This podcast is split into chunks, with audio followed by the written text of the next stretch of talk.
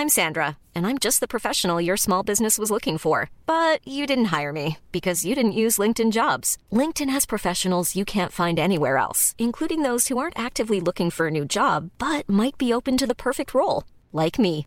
In a given month, over 70% of LinkedIn users don't visit other leading job sites. So if you're not looking on LinkedIn, you'll miss out on great candidates like Sandra. Start hiring professionals like a professional. Post your free job on linkedin.com/people today. Halo, namaku Pirda. Aku manusia di balik podcast tentang menerima.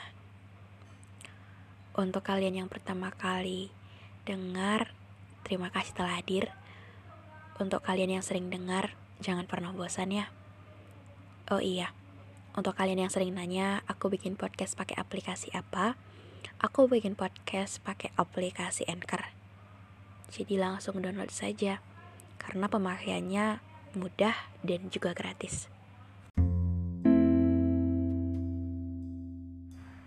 Salah satu jatuh cinta paling aneh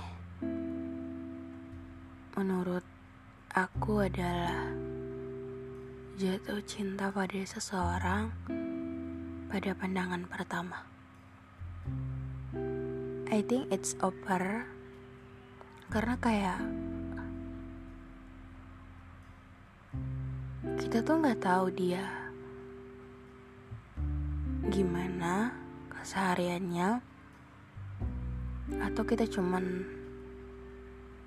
tahu dia dengan tahu nama dan ngeliat dia baru sekali tapi kita tuh bisa ngerasa kayak I have a feeling gitu.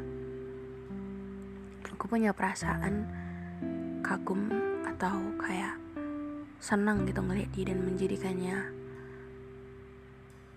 seorang yang punya makna yang istimewa gitu. Kayak ngerti gak sih?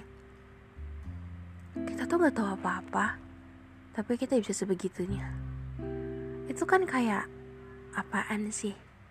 Tapi ketika kita bilang apaan sih itu kita juga nggak bisa untuk menghindar bahwa memikirkan dia menjadi hal yang kita lakukan ketika selesai hari itu gitu. Jadi I have love you since we first meet mungkin. Tapi kadang jatuh cinta yang paling aneh ini tadi. Bisa jadi hal yang paling susah juga untuk kita apa ya kita buat untuk menjadi sesuatu untuk disudahi ketika berjalan tidak sesuai yang kita mau.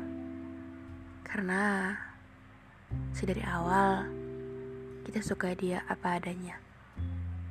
Kita menerima segala bentuk plus dan minusnya. Dan kita suka ke dia nggak ada syaratnya. Cuma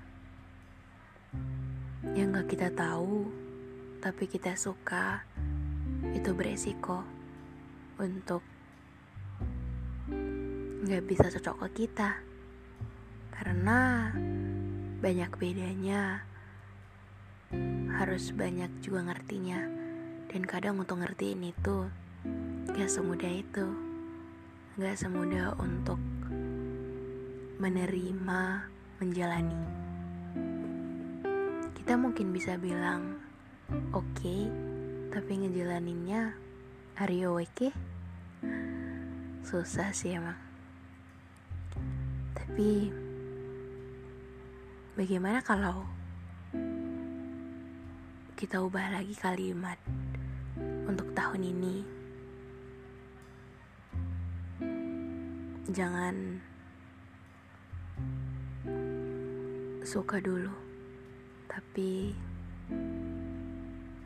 kenali dulu baru suka kan lebih menarik gak sih dan lebih tidak beresiko untuk sakit yang kita nggak tahu apa obatnya.